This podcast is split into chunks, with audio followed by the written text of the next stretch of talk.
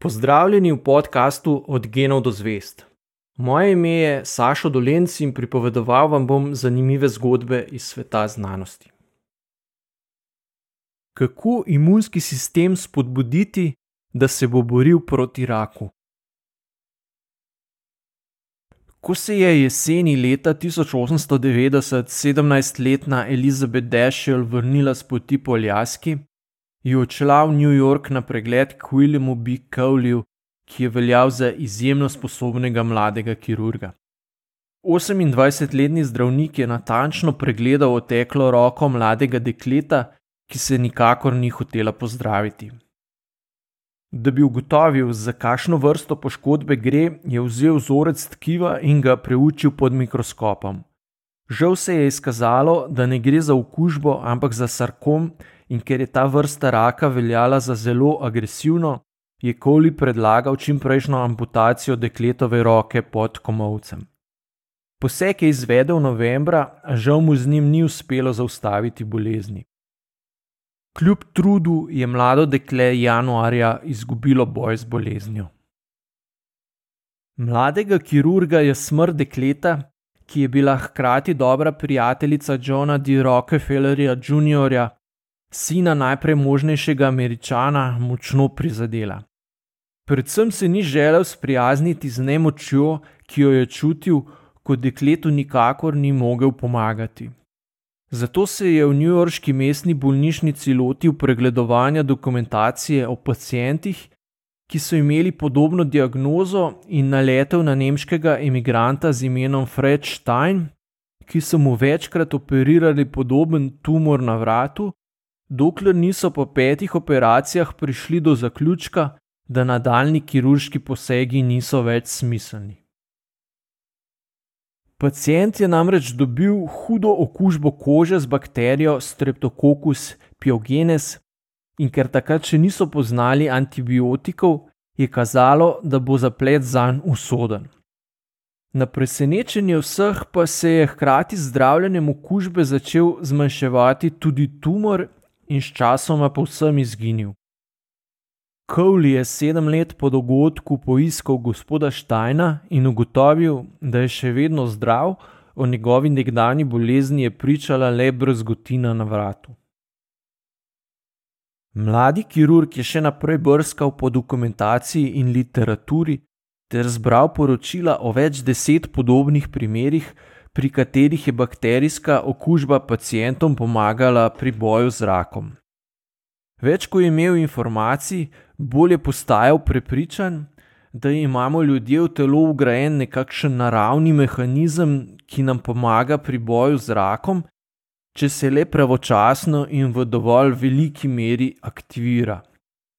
Žal pa so bili to še vedno časi, ko o mehanizmih delovanja človeškega imunskega sistema nihče ni vedel prav veliko. Kmalo zatem je Cowley opravil prvi eksperiment. 35-letnemu pacijentu z malignim tumorjem na vratu je ubrizgal koktejl bakterij, ki ga je poimenoval Cowleyevi toksini. Čeprav ni vedel, kako v resnici pride do imunskega odziva, se je nadejal, da bo mešanica bakterij v telesu zbudila imunsko reakcijo, ki ne bo usmerjena le proti bakterijam, ampak tudi proti rakavemu tkivu. Ker mu sprva ni uspelo vzbuditi okužbe, je iz laboratorija Roberta Koha v Nemčiji naročil nove bakterije, ki jih je vbrizgal neposredno v tumor. Tokrat je pacijent dejansko hudo zbolel in dobil vročino. Na veliko Kovljevo veselje se je po nekaj tednih boja z okužbo tudi tumor začel zmanjševati. Terapija je delovala, saj je pacijent ozdravel in na to živel še 8 let, dokler se mu ni rak ponovil. Na podoben način je Cowley v naslednjih desetletjih zdravil še dobrih tisoč pacijentov z rakom in bil relativno uspešen.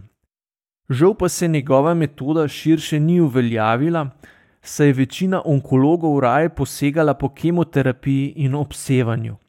Glede imunoterapije je bila večina zdravnikov dolgo časa skeptična, saj natančni mehanizmi, kako naj bi takšno zdravljenje delovalo, niso bili znani.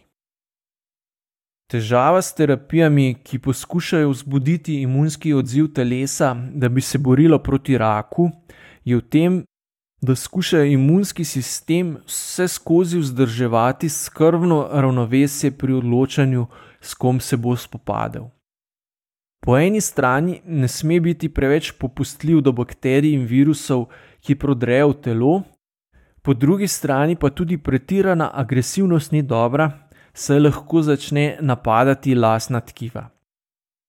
Če za nevarne napadalce razglasi tkiva lasnega telesa, lahko povzroči avtoimunske bolezni, kot sta denimo multipla skleroza in reumatoidni artritis. Šele v 20. stoletju so začeli znanstveniki počasi ugotavljati, kako zapleten je v resnici imunski odziv telesa. Med drugim so ugotovili, da ima imunski sistem v svoje delovanje ugrajene nekakšne zavore, ki zmanjšujejo njegovo aktivnost potem, ko se je že spopadal z recimo bakterijsko okužbo in jo premagal. Zmanjšanje aktivnosti je pomembno predvsem zato, da se imunski odziv ne bi usmeril proti lastnemu tkivu in zbudil katere od avtoimunskih bolezni, žal pa pri spopadanju telesa s tumori oziroma rakavimi obolenji takšno zaviranje imunskega odziva ni dobrodošlo. Leta 1996 je ameriški imunolog James P. Allison v reviji Science objavil rezultate raziskave, s katero je pokazal, da lahko s posebnimi molekulami zavre delovanje imunskega sistema pri miškah. Preučeval je receptor CTLA4 na limfocitu T, ki ima pomembno vlogo pri zaviranju delovanja imunskega sistema. Pokazal je, da lahko s posebnimi molekulami, ki se vežejo na ta receptor, blokira njegovo delovanje. Ko se molekula veže na njega, receptor ne zavira več delovanja imunskega odziva, kar pomeni, da lahko molekula deluje kot zdravilo. Večina raziskovalcev je sicer preučevala načine, kako bi spoznanja o delovanju receptorja CTLA4 uporabila za zdravljenje avtoimunskih bolezni. Ellisonova ideja pa je bila, da bi s pomočjo istega mehanizma razvil zdravilo proti raku. Biološko zdravilo bi delovalo tako, da bi odstranilo zavore imunskega sistema, ki se sprožijo med spopadanjem telesa z rakavimi celicami. Od poskusov na miškah do začetka proizvodnje novega zdravila je trajalo še 15 let, saj je bilo treba najprej najti način za proizvodnjo protiteles v dovolj velikih količinah, na to pa izvesti še obsežne klinične poskuse na ljudeh, ki bi potrdili, da zdravilo dejansko deluje. Farmacevtska industrija sprva ni bila pretirano navdušena nad razvojem novega biološkega zdravila, saj so dvomili o njegovi učinkovitosti. Šele po dveh letih iskanja partnerja je Ellison začel z manjšim podjetjem Medarex razvijati biološko zdravilo, ki se je v prvih testih izkazalo za dovolj obetavno, da je vzbudilo zanimanje nekaterih farmacevtskih velikanov. Vmes so imeli raziskovalci nekaj resnih težav.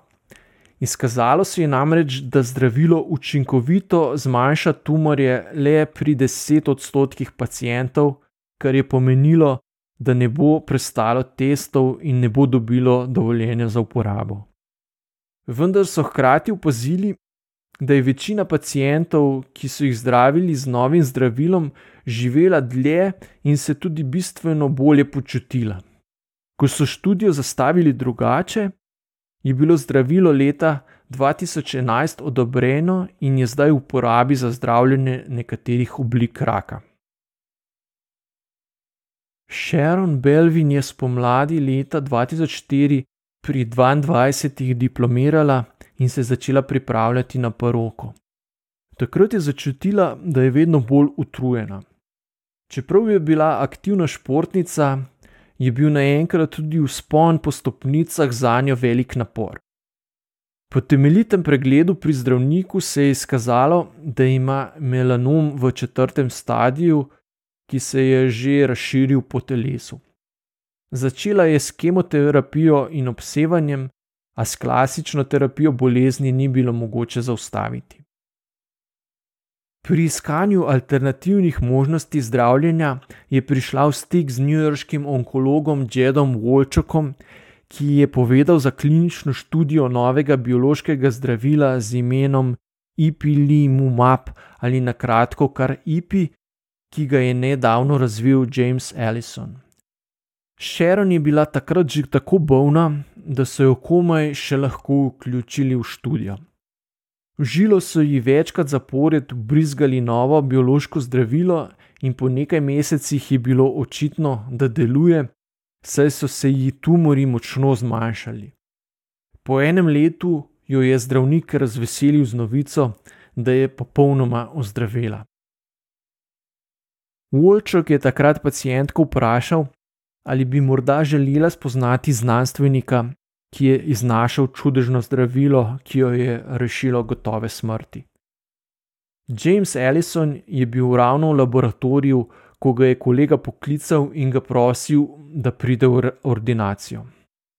Sprva se je upiral, saj ni želel stikov s pacijenti, a se je po prigovarjanju vseeno odpravil na pot. Ko je vstopil v ordinacijo, ga je Sharon začela objemati in mu razlagati, da je ozdravila prav zaradi njegovega zdravila in da je zdaj polna načrtov za prihodnost. Ostala sta v stiku in čez kako leto mu je sporočila, da je noseča. Zdaj je uspešna osebna trenerka in mati dveh otrok. Za razvoj bioloških zdravil, ki delujejo kot zaviralci imunskih stikal, sta si James Allison in Tasuku Honjo delila Nobelovo nagrado za medicino za leto 2018.